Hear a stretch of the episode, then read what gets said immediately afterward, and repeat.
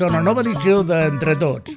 Un programa que, que bé, estem de festa perquè arriba el Nadal, hem posat ja les boletes, l'espumillón, que per cert no sé com es diu en català, hem posat les guirnaldes, el, el, bueno, hem posat de tot.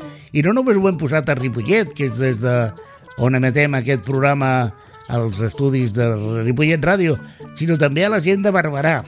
Volem saludar cordialment perquè aquesta temporada estem emetent també el programa a Ràdio Barberà, la qual cosa ens fa molt i molt feliços. Eh, les probabilitats de que tinguem un bon Nadal s'incrementen si tenim en compte que l'audiència també eh, hi és més nombrosa. Bé, però tot i que la meva veu és extraordinària, ho sé, eh? I que us agrada molt, també ho sé, jo no podria fer el programa sol. De fet, no el vull fer sol. Vull que algú més treballi i en aquest cas tenim a la nostra eh, mai ben ponderada, extraordinària, amb la qual em faig una genoflexió, com és costum, la senyora Mari Carmen Garrido. Molt bon dia, Carme. Bon, Carme, Carme, sense el Mari. Ah, perdó, perdó, perdó. molt bon dia, molt bon dia. Doncs molt bon Carme, Carme. Vigilen la genuflexió, no et facis mal a l'esquena. No, doncs no estoy, no estoy jo para muchas genuflexiones, aquesta és la veritat. Això, per això, cuida't molt. El que li dona una abraçada cordial, fortíssima i calorosa és el company Antoni Puparelli. Antoni, bon dia. Hola, bon dia. Una forta abraçada per tu i també per la Carme i tots els còmplices radioients. Sí senyor, sí senyor, perquè aquest programa ja ho sabeu, no busquem audiència, busquem còmplices i per trobar-los i, i convèncer-los que aquesta és la lluita, doncs tenim un programa avui una miqueta carregadet. Per tant, passem al sumari i continuem amb el programa de Entre Tots. Bé, el sumari d'avui és eh, un recopilatori del 2023? Doncs no, no, perquè això ja ho, ja, ho, ja ho sabeu, el que hem fet. Hem fet molta feina i molt dura. I una de les conclusions o resums d'aquest treball que hem fet durant el 23 és unes jornades que va organitzar com sobre l'assistència personal i la desinstitucionalització. Tela, eh? De tot això... Palabrita, palabrita. Palabra, palabra d'aquests. D'això ens parlarà la Carmen, la Carmen Garrido. També, eh, autor i un servidor, parlarem de la, la rentabilització econòmica del servei d'assistència personal. Perquè hi ha molta gent que diu és que clar, una persona és molt car. Bueno, bueno, d'això parlarem i ho veureu com no només és, no és car, sinó que fins i tot és rentable per la societat. Però d'això parlarem.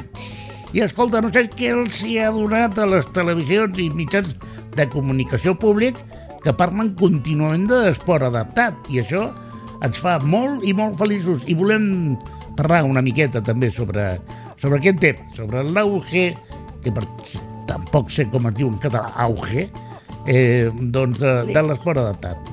I per últim, eh, us plantejarem i us donarem un desig nadalenc, perquè és el que toca a tots els que escolteu tant a Barberà com a Ripollet aquest entre tots. Per tant, si us sembla, doncs posem, eh, que a mi m'agrada dir això, posem una ràfaga i comencem el programa d'avui.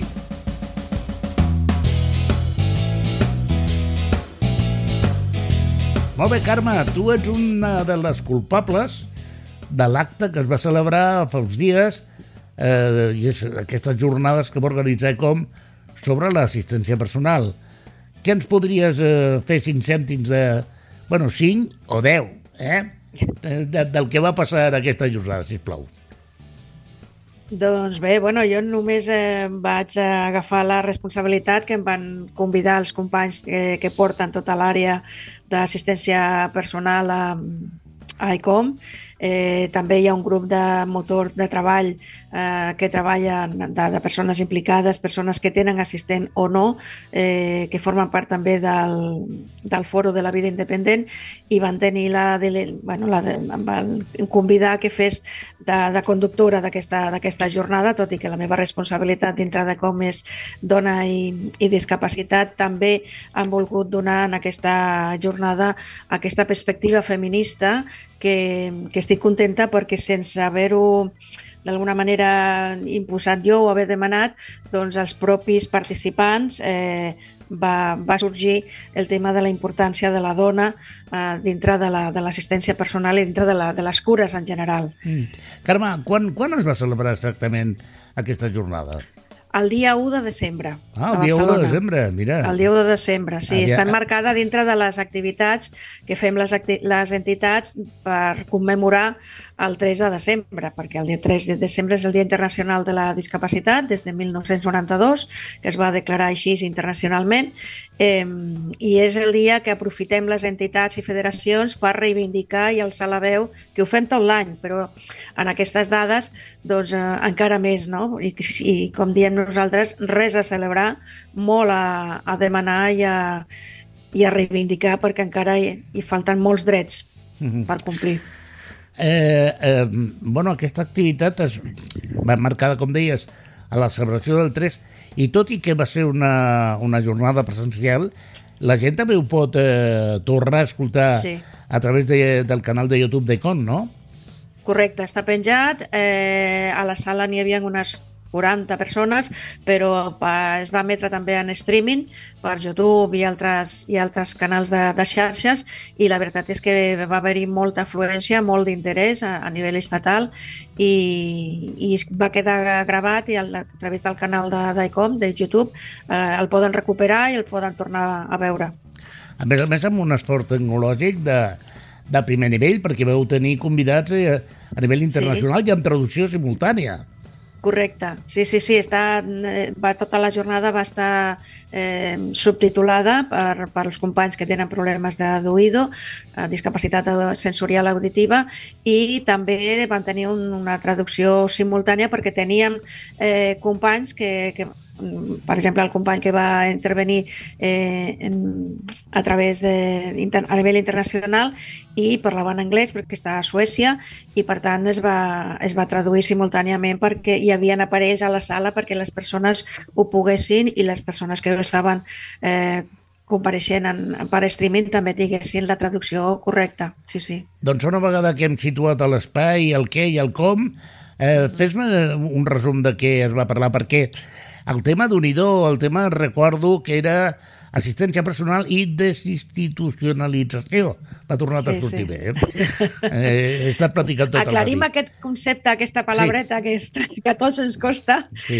I jo la vaig patir perquè la vaig tenir que repetir diverses vegades durant tota la, la jornada, però ve a dir que les persones, els companys que estan en, actualment en una residència per persones amb discapacitat o fins i tot residències de gent gran, perquè no hi ha tantes places, doncs eh, aquesta, aquest dret, que és el que estem reivindicant i estem eh, demanant de manera reiterativa, eh, el que lluita és que la persona que està en una residència, si vol sortir, per això és desinstitucionalització, perquè és una persona que està institucionalitzada, que està en una residència, doncs pugui tornar a, a casa seva o a un pis eh, tutelat per l'administració, però que té molt, molta més llibertat d'horaris i d'activitat i d'acció. En una residència doncs ja ho sabem que hi ha uns horaris per tot, per, per entrar, per sortir, per dinar i per, per qualsevol activitat. I la persona amb discapacitat que tenim la capacitat de poder gestionar el nostre dia a dia, doncs el que volem és poder exercir amb llibertat eh, aquesta, aquestes capacitats no? I, i portem, tal com deia la jornada, dos mandats a nivell eh, institucional incomplint aquest dret de l'assistència la, de personal. Carme, m'interessa moltíssim que expliquis d'alguna manera qui va intervenir en aquesta jornada, perquè penso que en funció de la gent que va intervenir s'explica per si sol el, la dimensió i l'escenari de l'assistència personal. Perquè, mm, mm, bueno, entre tots ho han repetit fins la societat i hem explicat per activa i per passiva. De fet, hem organitzat jornades a, a nivell local eh, sobre aquest tema, és a dir, hem parlat de l'assistent personal i hem explicat clarament què és eh, per nosaltres i, per, i, i, i el concepte del terme, no? Però sí que és veritat que a vegades es, quan, quan te n'oblides de les paraules, el concepte que queda moltes vegades és un cuidador, val? que et neteja el Sí. cul i poca cosa més. I, i l'assistent personal és molta més cosa. Per Molt això, més. per això, els convidats en aquesta jornada, la seva eh, espectre professional i d'activitat eh, reflexa el, el, el, lo complexa o lo gran que és el tema de, de l'assistència personal. Carme, qui, qui, Correcte. qui va assistir? Quin destacaries com a ponents eh, en aquesta jornada?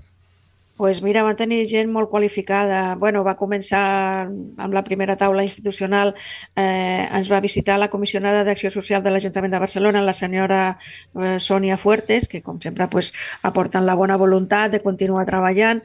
Cal dir que com, juntament amb la Generalitat i l'Ajuntament de Barcelona, eh, porta des de l'any 2007 amb un programa pilot comptem que estem, estem al 23, eh? des del 2007, amb un programa pilot de- d'assistència personal d'usuaris que autogestionen eh, el seu, la, la, la contratació i la gestió de, del seu assistent personal. Actualment estem al voltant de les 80 persones que tenen aquest servei. La, no totes tenen totes les hores que necessiten, però tenen aquest, aquest servei i està cogestionat eh, amb ECOM. Aleshores, l'Ajuntament de Barcelona és un, un element important en aquesta, en aquesta participació, però tornem a reiterar, programa piloto, que és, bueno, Bueno, és aquestes que hem alçades... suspès, hem suspès la teòrica i després la pràctica. Ah, això, és a dir, hem sí, de repetir sí, sí. examen doncs, eh, fins que ens Sí. traiem el, el carnet. Exacte. També ens va acompanyar a l'obrir la jornada el senyor- conseller de Drets Socials de la Generalitat de Catalunya, el senyor Carles Campuzano. Bueno, va donar la seva visió institucional de la bona voluntat en un principi, però mm, va acabar dient que, que, bueno, que no hi ha recursos i que no hi ha diners i que això que desitgem que nosaltres després, mm, la pena és que va acabar el discurs i va marxar, però tots els eh, participants, tots els ponents i participants van explicar de manera reiterada que no és un desig, sinó que és un dret que està reconegut tant a la, a la, a la Convenció de Nacions Unides que va aprovar Espanya el 2008 com a, com a la Llei General de, de Persones amb Discapacitat, la, la 1 barra 2013, està, és un dret que està reconegut. Per tant, aquí, un cop més, xoquem amb l'administració de que no hi ha recursos i el que tots van eh, llegar a la conclusió, arribar a la conclusió, perdó, és de que el que no hi ha és voluntat, perquè si hi ha voluntat, els recursos es busquen, perquè n'hi ha. Ai, A continuació van tenir la, la ponència Mar, que va ser molt interessant. Jo us recomano que si podeu recuperar a través del YouTube eh, i si no la podeu veure tota la jornada, busqueu aquesta ponència que el, el, es tractava directament de tornem la desinstitucionalització i vida a la comunitat de les persones amb discapacitat. Això va estar a càrrec del ponent Facundo Chávez Penillas. Ell és un company amb una mobilitat reduïda, té una lesió medular i aquest company és actualment l'assessor sobre drets humans i discapacitat a l'oficina de l'Alt Comissionat de Nacions Unides dels Drets Humans. Vull Que si em és un- permets, un- Carme, eh, anticipar que estem treballant eh, i coordinant agendes per poder-li fer una entrevista eh, a Facundo perquè la seva intervenció no Sí. té desperdici, francament. Exacte. Coneixedor i, Exacte. i, i, i mm, coneixedor i, pa, i patidor de, de, Clar, clar aquesta és la cosa. gran diferència, que hi ha professionals i polítics que tenen molt bona voluntat, però allò, allò que diem nosaltres, no? res de nosaltres sense nosaltres. Aleshores, quan tenim l'oportunitat de poder comptar amb professionals en primera persona que conviuen amb una discapacitat és que canvia completament, respectant la bona voluntat a nivell tècnic i polític, eh? però canvia completament. I el Facundo és una persona molt activa, professional i, i com a activista. Eh, ha viscut varios, en diversos països d'Europa. Ell treballa per Nacions Unides, eh, el que té l'avantatge de poder treba- teletreballar. Actualment està vivint a Barcelona, per tant, és una persona que és eh, de fàcil accés de, de les entitats a nivell de Catalunya i el seu coneixement, i si podeu recuperar la seva intervenció, com eh, es tramita i com es gestiona i com funciona el fet de reivindicar aquests drets que de manera continuada eh, s'estan incomplint, com s'ha de regular, com s'ha d'arribar a aquest comissionat, que és el que al final determina si s'està incomplint un dret o no, no? I aquí fins i tot hi ha sancions, etc. Però està molt bé perquè quan falla tot, és a dir, quan la política no compleix, quan anem a, i denuncies i tampoc, quan vas a la fiscalia, que sabem que està, eh, cal recordar que a nivell provincial i, i estatal tenim fiscalies específiques per tractar eh, litigis eh, de persones amb discapacitat, incompliment, vulneracions de drets, etc. Doncs quan tot això falla, encara ens queda eh, el comissionat de Nacions Unides pels Drets Humans, no? I ell és el que coneix tot aquest recorregut i de quina quina manera s'ha de, tramitar, de tramitar i com arribar-hi, no? Aleshores, va donar dades i informació molt important. Jo li vaig agrair personalment perquè una de les eh, dades que va donar era la importància de les dones en, en l'assistència personal perquè el 80% de les cures actualment recau sobre les dones i les dones amb discapacitat també són dones i també tenim cura. Tenim autocura de nosaltres, però moltes vegades també en toca tenir cura de, de la família per fills o per, o per pares, familiars, etc que tenim a prop i també i senyalar que el fet de poder comptar amb l'assistència personal ens aporta aquesta igualtat d'oportunitats a l'hora de tenir cura, de, no, no només de nosaltres, sinó d'algú, no? Eh, pues un familiar que està en estat delicat o que està terminal o que està i necessita el suport familiar. Doncs tu, amb la teva assistència personal, com un altre familiar més pots estar al 100% al costat d'aquella persona que, que necessita uh, la cura. Va ser una ponència molt important, molt interessant i reitero que si la podeu recuperar eh, sigui molt, és molt interessant. Després van fer dues taules eh, diferenciades, o en una primera van parlar de l'encaix de la figura d'assistència personal dins del procés aquest de desinstitucionalització, perquè hi ha tot un procés per aconseguir sortir, tornar a casa si hi ha aquesta possibilitat, o de buscar un habitatge, el qual és molt complicat perquè el marc el mercat d'habitatges és molt car i hi ha molt poquet habitatge social o no social però accessible i assequible i per tant aquí és complicat. Aquí aquesta taula la va moderar el company Cristian Lago, eh, ell és activista pels drets de les persones i és el responsable eh, tècnic de formació i coneixement de, de la Federació ECOM. No? És, és tècnic i treballa amb nosaltres. És una persona amb una discapacitat severa, té un assistent personal i gràcies al seu assistent personal ell pot estar actiu laboralment. No? En aquesta taula van participar el Lluís Torrents, secretari d'Afers Socials i Famílies eh, del Departament de, de la Generalitat de Catalunya, la Mari Carmen eh, Barranco, que és catedràtica de la Filosofia de la, de, de la Universitat Carlos III i directora de l'Institut de Drets Humans en Gregorio Peces Barba. També va, que aquí és on van tenir el, el traductor, el Jesper Matisen, és membre consultor de l'OBBA i treballador social i la Maria José Moya, responsable, és la nostra tècnica de com, responsable de l'àrea d'autonomia personal i vida independent. No? Va ser una taula molt, molt interessant perquè aquí van tocar la part jurídica, la part, aquesta part de drets, de, de com tenim tot un, un marc legal que ens acompanya, reconeix aquest dret i que, per tant, no estem demanant un desig, com a, ens parlen a nivell polític, sinó que és un dret i que hi ha formes i maneres de poder accedir-hi i que és de justícia que això sigui, sigui així. Per acabar, va haver-hi una segona taula. Eh, aquí parlava del dret de l'assistència personal a Catalunya, tal i com està el, el tema. Aquí va participar eh, la cap de departament dels serveis de vida independent de l'Institut de Persones amb Discapacitat de l'Ajuntament de Barcelona, la, la Laura Majo, eh, que, com deia, és qui coordina d'alguna manera i participa en aquesta atenció directa eh, d'aquests 80 usuaris que s'estan beneficiant d'aquest servei. No? I eh, explica d'alguna manera que és possible i que si l'Ajuntament, aquest, estem parlant d'un ajuntament gran com a Barcelona, però que qualsevol ajuntament que tingui aquesta voluntat i a través del contracte programa que tots els ajuntaments tenen amb la Generalitat de Catalunya, doncs poden accedir-hi i és qüestió de, de voluntat política. Per, perdona, Carme, un moment, per... perdona un moment, Carme, és que acabes sí? de dir una cosa que yo fui a hacer, como deia el Quijote, para dar i fonda. Sí. Acabes de dir el contracte programa que es pot demanar a la Generalitat de Catalunya. Atenció, sí. què, què vol que ha dit la Carme? Ha dit la Carme que aquí els ajuntaments que volen tirar endavant, no només en paraules sinó en fets, el tema de l'assistència personal, tenen la possibilitat de contractar aquest contracte programa, per la redundància, per començar a treballar aquest tema. Evidentment no, de, no és només eh, aquest, eh, aquest contracte programa la solució dels problemes, però és una manera de començar activament a posar en marxa el tema de l'assistència personal.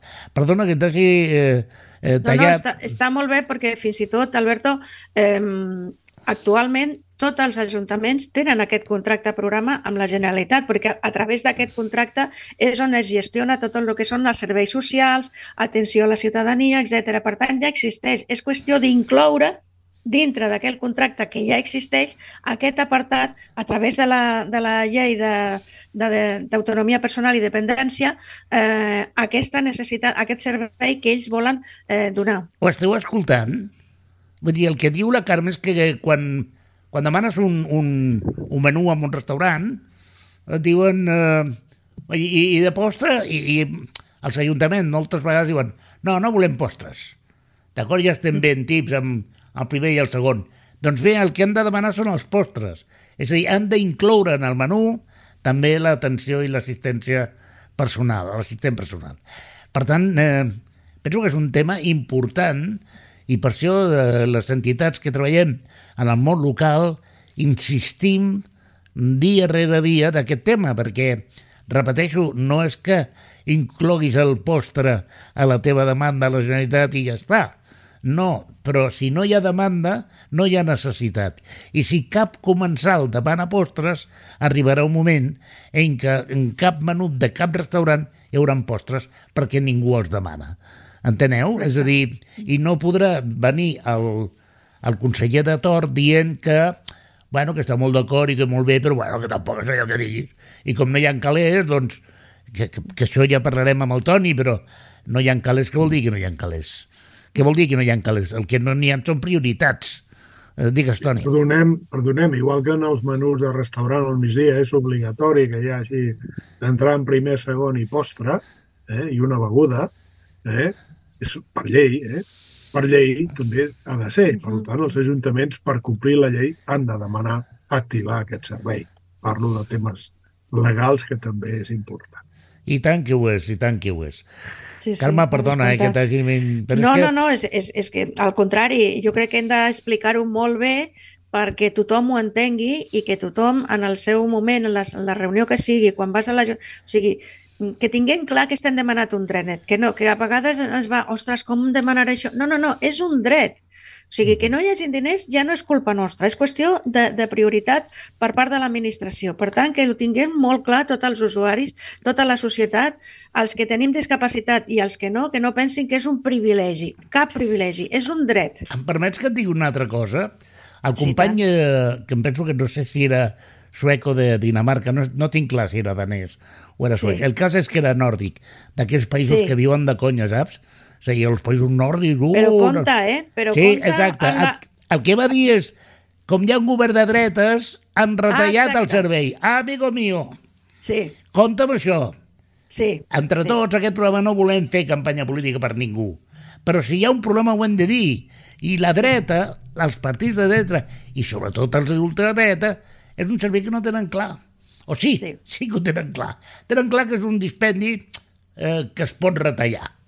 D'acord? I això comentava Exacte. el company de, dels països nòrdics, eh?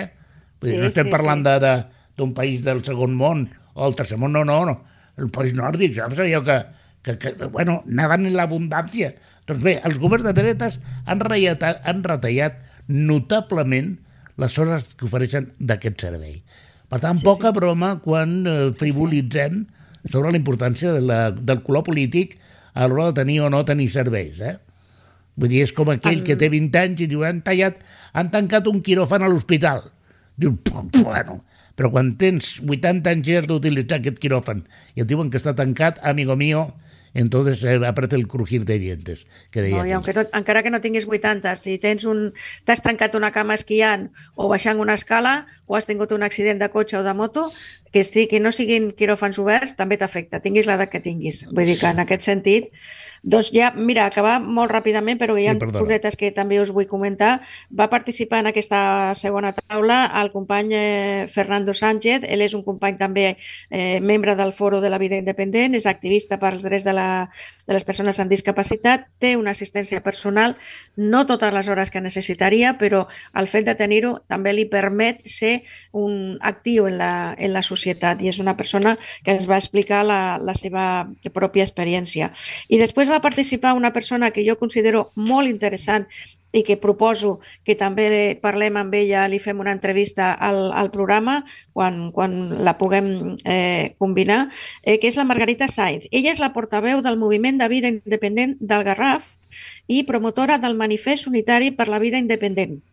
Companys, aquesta senyora és una activista, és una persona que ja està jubilada, és una activista, no té discapacitat, però ha tingut familiars molt propers, eh, per, la, per aquesta vida independent i, i promotora de, de promulgar i, i promoure el tema de l'assistència personal. És, no és una entitat, no és una associació, no és una plataforma, és un grup de persones cada vegada més gran, al que moltes entitats com la Federació com li donem suport i li donem visibilitat perquè explica molt clarament, mm, si podeu recuperar la, la seva participació a la jornada al YouTube, és, és superinteressant, i explica amb un llenguatge molt senzill i molt clar que això és un dret i que tots tenim responsabilitat. Això que deies, no? de, de ser còmplices de la, de l'accessibilitat o de la- o de l'assistència personal o, o ser còmplices de, de generar barreres i generar vulneracions de, de drets. No? Tu decideixes de què ets còmplice. I quan votem, també estem decidint això. També ens estem fent còmplices d'una cosa o de l'altra. Per tant, corresponsables tots, còmplices tots i cadascú a, a nivell personal decidint de quina banda decantem la balança. Però decantar-la cap a la dreta o cap a l'esquerra, i no diré noms, hi ha molta diferència. Per tant, mm, després no plorem. Exacte, Carme.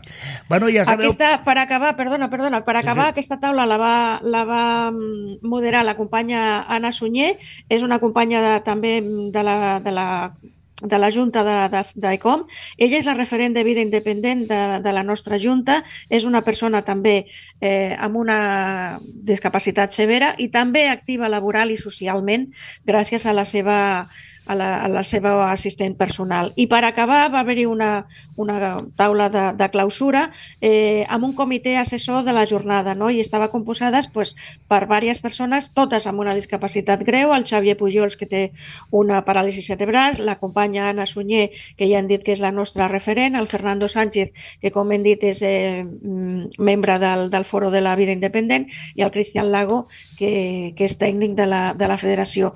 Doncs eh, aquest és el resum de, de les persones que van participar i jo si us, una vegada més us recomano que el recupereu perquè va ser molt, molt interessant i jo vaig sentir-me molt afortunada de poder acompanyar i participar en aquesta jornada encara que fos eh, fent aquesta, aquesta conducció i, i una miqueta després de cada eh, intervenció pues, fer una miqueta la, la clausura.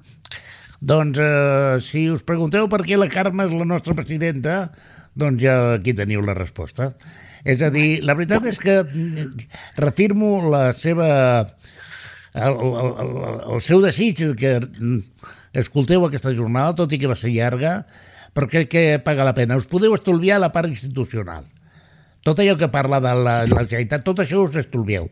Us faig un resum. Ai, ai, ai, però no. Enteneu? Ja, ja, aquest seria el resum. Eh?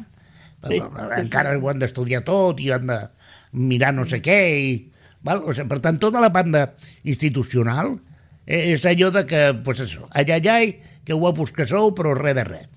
Eh, lo interessant van ser les intervencions, com explicava la Carme, de les persones afectades. Escolta, eh, arriba el moment de parlar de calés, Toni.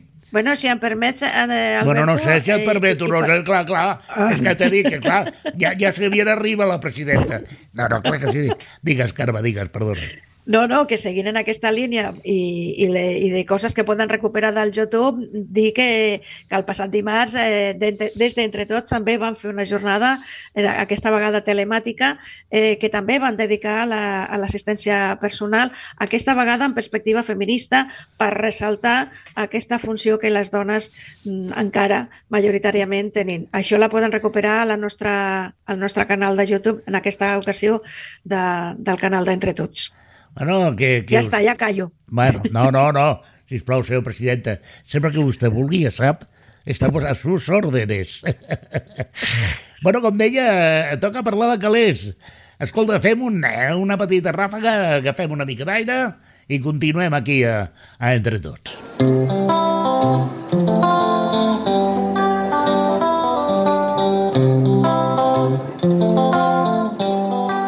Bé, com dit, parlaríem de calés, doncs eh, arriba el moment. A veure, hi tenim... És que, escolta, us queixareu. Si és que és veritat, és que aquest programa és la, la pera limonera. Per una banda tenim la visió feminista, imprescindible per entendre el món i el futur. I, però també tenim la visió econòmica. Clar, és que dius, no, no, és que els calés fa mandra, però són molt importants. I tenim un dels millors experts eh, en aquests temes i que a més a més eh, fa una lectura i molt interessant de, de l'espectre econòmic. Toni Puparelli. Escolta, Toni, eh, jo en el, en el sumari he dit que el tema de l'assistent personal era rentable. A lo millor m'he vingut una mica arriba, no? Perquè, clar, és a dir, una persona eh, destinada a ajudar algú eh, 24 hores surt, surt per un pico. És, és veritat que potser arriba a ser rentable la figura de l'assistent personal? Sí, i tant. Només que sigui pel fet de que la persona pugui aportar un valor a la societat, encara que sigui d'un 10% del cost econòmic, eh? ja posem una cosa mínima, mínima, que, que podria ser sortir a prendre un cafè, socialitzar, però no és pel fet de prendre un cafè, sinó socialitzar amb altres persones, que és molt important per les persones, és un dret també poder socialitzar, no estar tancat a casa tot el dia. D'acord que dius, home, al sortir una estona a la cadira de rodes, això, per això no necessites un estat personal. Segurament no. Però el fet de sortir per fer, per exemple, anar a una hora de teatre, anar amb gent a una xerrada, a una conferència presencial, que d'acord, telemàticament es poden fer moltes coses, però mai serà com l'intercanvi personal del tu a tu. El poder anar per exemple, que ara les noves tecnologies, inclús gràcies a la pandèmia, que s'han eh, programes com el Zoom o tant de, de, de treball a distància, de, de, de reunions a distància i més, poden reduir enormement la, sortir, la necessitat de sortides per fer feines de, de, de treball, per la qual facilita i redueix el cost de poder tenir. Però una persona, millor per dos, tres, quatre hores al dia, que pugui fer una petita activitat, ja està portant valor, encara que no redueixi el cost. Però aquesta persona només pel fet de sortir, d'anar a un bar, d'anar aquí, d'anar allà, de poder activar temes, està portant un valor a la societat. Això és el valor social, podríem dir, el valor personal, que és el dret, eh? Reprenem, que és el dret que tenim, eh? el que dèiem abans del, del, del postre, no? Vull dir, és un dret que tenim. Postre l'entrant, o el primer, o el segon, o, o, o la beguda. No? És un dret. Per tant, ho hem de poder exercitar. Eh? Aprofitem totes les eines que tenim i en cada cas jo crec que una de les funcions més importants de, de l'assistència personal d'un servei, que és un servei, no oblidem que, que és un dret el poder fer vida independent. El dret és poder fer vida independent i fora d'institucions o amb la menor incidència institucional. No? Que també un podria arribar a dir, bueno, jo necessito, perquè per les condicions de vivenda de més bé i no hi ha vivenda i estic en una residència, poder tenir el dret, poder fer una vida pràcticament com si estigués en un hotel des del punt de vista residencial. No? Vale, allà m'atenen, allà no què, però jo després, durant les hores, unes hores al dia, amb un assistent personal, puc sortir o puc fer activitats, que això també és una altra, no? El cafè per a tots i tots iguals amb una residència sempre és més problemàtic, no? Això també hi una part d'incidència que es podria fer per graduar el mateix que els nens, ara s'està batallant perquè els nens, eh, els nens amb discapacitat puguin participar, no puguin, és el seu dret de no estar en escoles d'educació especial, sinó amb escoles normals. Hi ha una part que se li necessita, se li dona part, però hi ha una altra part que socialitza. És que, a més a més, és imprescindible perquè si socialitzen de petits, de grans, veuran el més normal del món que aquesta persona tingui una activitat. Per tant, des d'un punt de sensibilització també és important. Però anant a la part econòmica, una persona que tingui una mica de coco, eh? que pugui estudiar una carrera, que pugui fer, fàcilment pot arribar a tenir 40-60.000 euros d'ingressos si desenvolupa una activitat 100%, i no arribem a això. Però per sobre de 40.000 euros ja és rentable econòmicament, més enllà del valor social o de valor econòmic que porti en el seu client. Eh? El seu client pot ser també una institució, pot ser, sigui, està portant un valor. Gestiona no sé què. La gestió d'això aporta un valor pel fet que tenen no sé quants usuaris. S'ha de monetitzar el, el valor també del valor social que aporta. I això s'ha d'arribar a poder fer de números. Potser aquí les entitats podríem arribar a fer, començar a tirar números fora i fer càlculs, inclús per ajudar, entre cometes, o convèncer a les institucions que posen els diners que allò també aporta una rentabilitat. Per això dic, d'acord que hi ha un umbral que dius, no, no, és que hi ha una part que dius que s'ha de posar diners. Escolta, també una persona que està a casa i que per no pagar una residència, parlo del cas del personal de la meva mare, 98 anys, està a casa, el fet de tenir unes hores d'assistència, tenir una assistència pagada per les entitats públiques i una part també d'ajuda econòmica per poder... Eh, això evita tenir un cost superior de que la meva mare estigués en una residència. A part de tot el valor personal que té de no estar institucionalitzat en una, institucionalitzat en una residència. Això té un valor de qualitat de vida molt gran, no? Doncs valorem això també. El menor cost que té si aquesta persona tingués que estar per poder cobrir les seves necessitats bàsiques en una residència. Ja només amb això, que això seria la part assistencial, podríem dir, bàsica, no? Necessita que algú l'ajudi per donar-li menjar, per canviar-li el bolquers, o per això, això és una altra feina. Aquí estem parlant d'assistència per acompanyar. I el que se'n diu també, que això s'ha parlat, el dret de la persona a poder escollir la persona que, o, o, o el perfil de la persona que necessita per desenvolupar la seva, encara que això també tindria que estar ajudat i guiat, que crec que és una de les parts que potser falla, l'organització del tema. Com fem per determinar que aquesta persona tingui, eh, pugui exercitar la seva activitat o allò que necessita fer o que vol fer d'una manera organitzada i que pugui funcionar, no? d'alguna manera, en, tant en la part avaluativa com després en la part executiva i, i, de, i de seguiment. Uh -huh. Evidentment el que dius és molt interessant i a vegades eh, els grans economistes que se l'omplen la boca parlant de números eh, tendeixen a avaluar tot això que es pugui ser tangible, no? I jo crec que en el cas de l'assistència personal, al marge de lo tangible, que com molt bé ha explicat el Toni, doncs hi haurien molt debat sobre si és o no econòmicament rentable, hi ha coses que no són tangibles i difícils d'avaluar, que és la vida independent. Jo proposaria a aquests economistes que posen molts peròs en aquest tema que plategessin la seva vida, el seu propi jo, com a persones humanes, el fet d'haver de desenvolupar una tasca com, per exemple, un anàlisi econòmic sense eh, cap capacitat motriu o física que els impedeix desenvolupar la seva feina i que a través d'un assistent personal doncs poguéssim desenvolupar-la. Quan val això? Quan val el fet de que una persona pugui o no pugui desenvolupar una tasca laboral? És difícil de quantificar, però no vull posar-me nyonyo, però quan val el somriure d'un nen?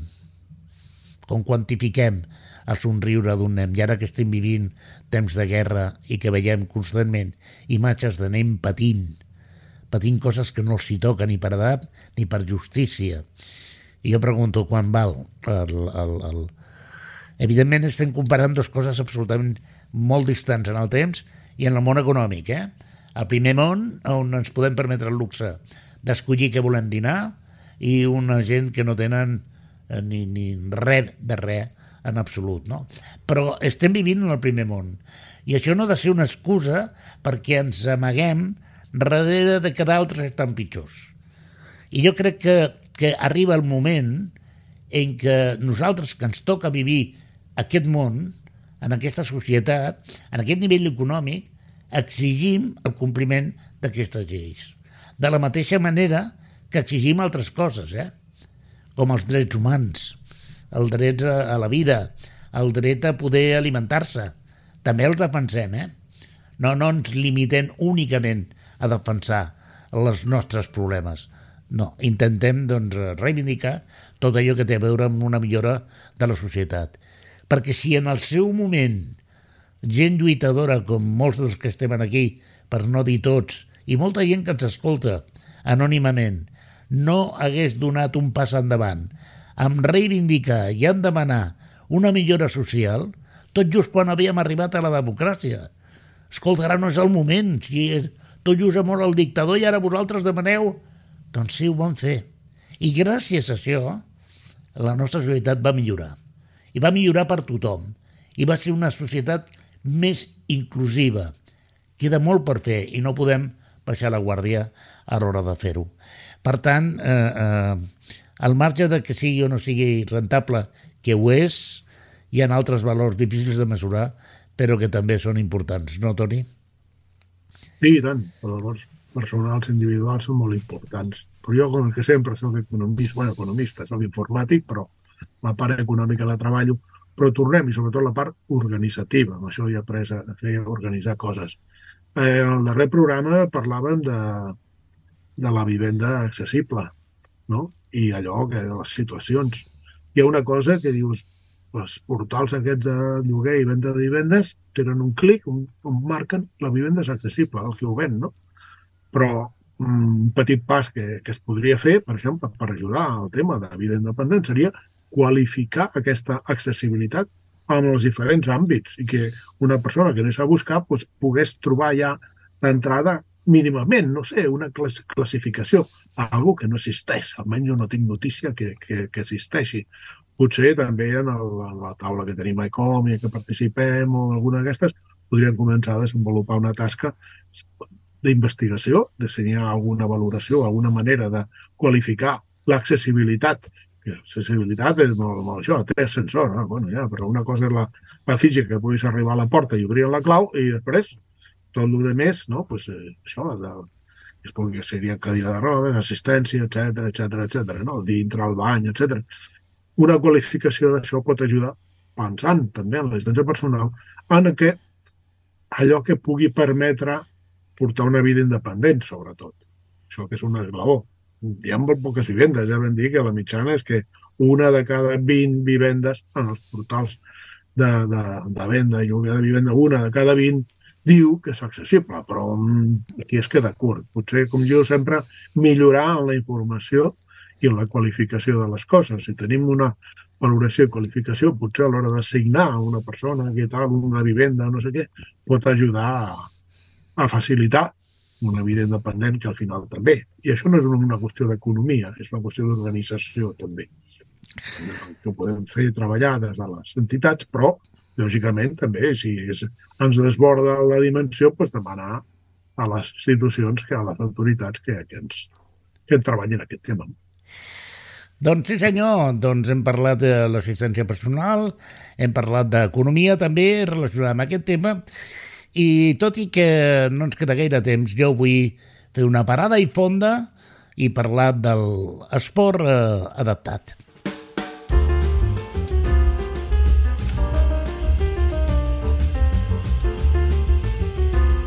Bé, com dèiem al sumari, l'esport adaptat està, està de moda.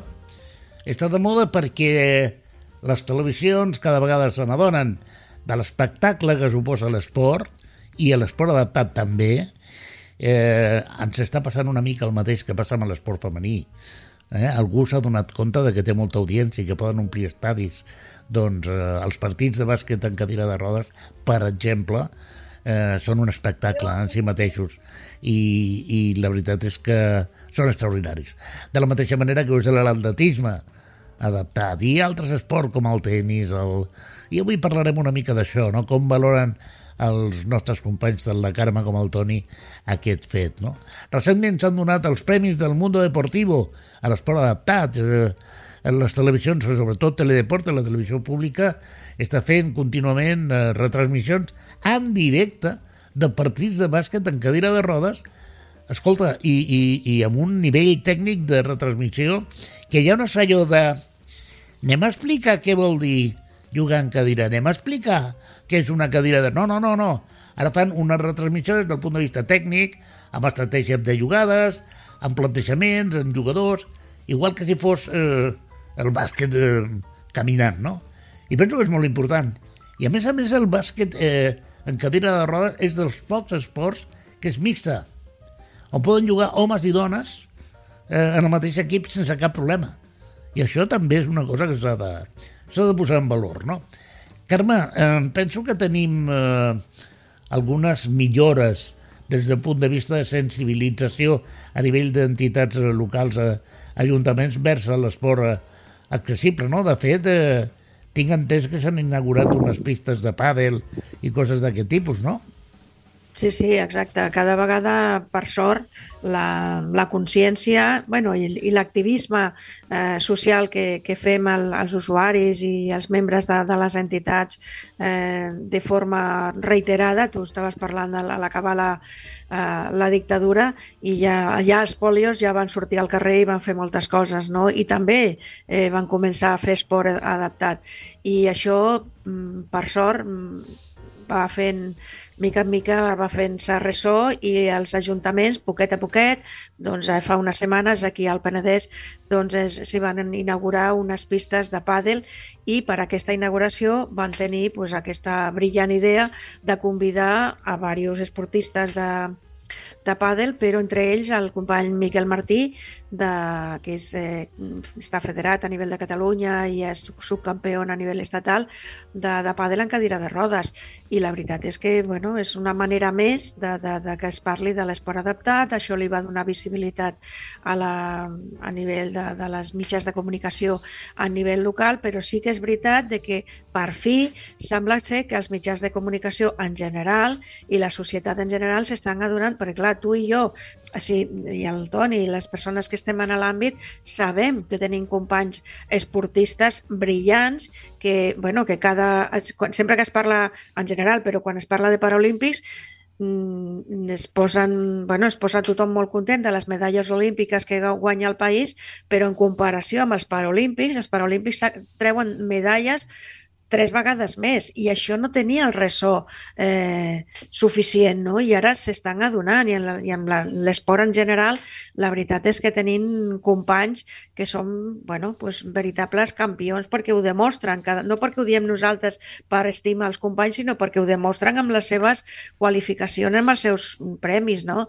I, i has fet una comparativa eh, important amb l'esport femení que eh, que, bueno, que, ha, que ha fet un boom i que ahí estan les noies que juguen a futbol, o, però que no han començat ara, l'any passat. Si són campiones del món eh, ara mateix és perquè porten molts anys eh, picant pilota, mai millor dit, i, i entrenant i guanyant. Si no, és, és evident que d'un dia per l'altre no, no arriben a aquesta, a aquesta, a aquesta élite, no? però per sort, cada vegada més els mitjans de comunicació, teledeporte, a diaris, etc., se li està donant més visibilitat. És que ocupem un espai de la, de la societat i, i com que diem que no, no, la discapacitat no discrimina, a nivell esportiu també tenim una part important de dir eh, que som aquí i nosaltres també guanyem medalles, batem rècords i, i, el, i els partits, bueno, tant en equip com a nivell professional, la discapacitat està a l'élite de l'esport. Sí, sí. El que és ben cert és que, com gairebé sempre passa, a l'esport adaptat posa de manifest i treu l'alfombra la, i es veu tota el, la brutícia que hi havia sota.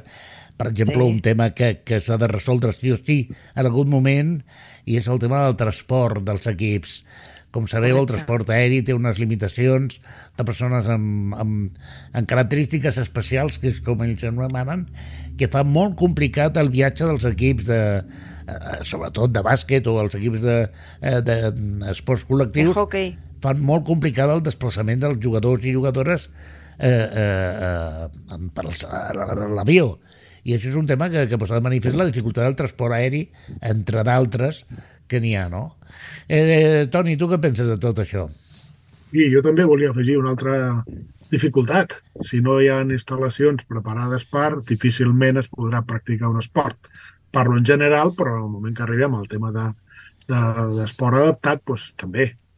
sembla que hi ha més sensibilitat i que els ajuntaments i entitats superiors a nivell eh, tenen en compte, o com a mínim, com fan instal·lacions esportives noves, doncs tenen en compte el tema de la discapacitat, però també hem d'estar, i aquí les entitats tenim un pes important, d'estar amatents de que quan es planifica, quan això, quan es sentim començar a parlar de que es vol fer una instal·lació de no sé què, aixequem el dit i això serà adaptat, però per quins esports i com a mínim poder tenir un, un vano, no? Fa poc, aquí, l'any passat, fa un parell d'anys, aquí a costat de casa van obrir un pavelló esportiu i s'ha tingut en compte això i realment aquí a darrere va haver entitats que van aixecar el dit, la tinc en compte perquè quan es planifica i es fa una obra o una modificació substancial d'una instal·lació esportiva normalment costa poc molt poc més o pràcticament el mateix de poder tenir en compte la, la pràctica de l'esport perquè és un fet de permet o no permet o sigui, bàsicament és això. I l'increment de cost que pugui representar no és significatiu o pràcticament eh, no, és, no, és, no, és, no és, podríem dir, impossibilitador de que es pugui fer. No? Mm. I això també és important. Vull dir, si pots fer, podràs fer esport.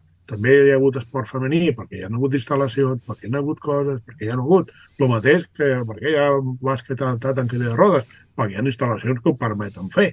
Mm. Per tant, no? també això de tenir en compte. I aquí un element, com tu deies, el transport, doncs, també és un element molt, molt important i, i quan hi ha eventos com Paralímpics o coses d'aquestes, es, es fan el possible, no? I, però, però puntualment per aquella, no, no per anar a jugar amb una, província de l'altra punta d'Espanya per poder jugar a hockey en cadira de rodes adaptat, per exemple, a Vigo o a Galícia, que hi ha on l'esport aquest és important, no? per exemple. Sí, senyor. Bé, l'any que ve, 2024, és any olímpic i paraolímpic també. A París hi ha una trobada i eh, jo volia, eh, per tancar el tema de l'esport, escolta, no cal ser paraolímpic per practicar esport adaptat. No cal demanar medalles ni guanyar competicions per justificar l'esport adaptat. L'esport adaptat és un altre dret, igual que el senyor Toni Poparelli o eh, que no té cap discapacitat física aparent i qualsevol altra persona pot practicar o no esport des de forma absolutament lúdica, les persones amb discapacitat també tenim aquest dret. Per tant, no s'ha de valorar només la quantitat de medalles que en tenim, sinó els drets de practicar una activitat esportiva. També s'hauria de traslladar això, perquè ara de moment és quan es fan instal·lacions esportives públiques, no?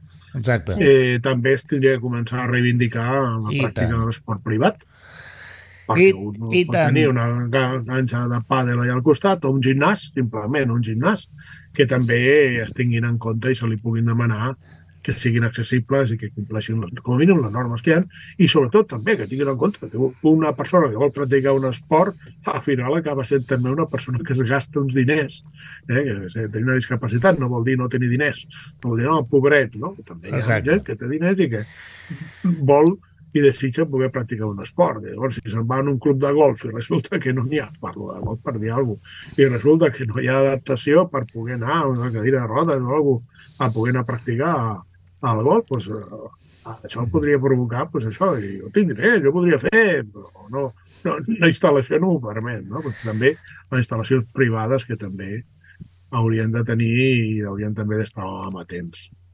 Mm, exacte. Ens queden re, tres minutets de programa i, i Carme, volies afegir alguna coseta?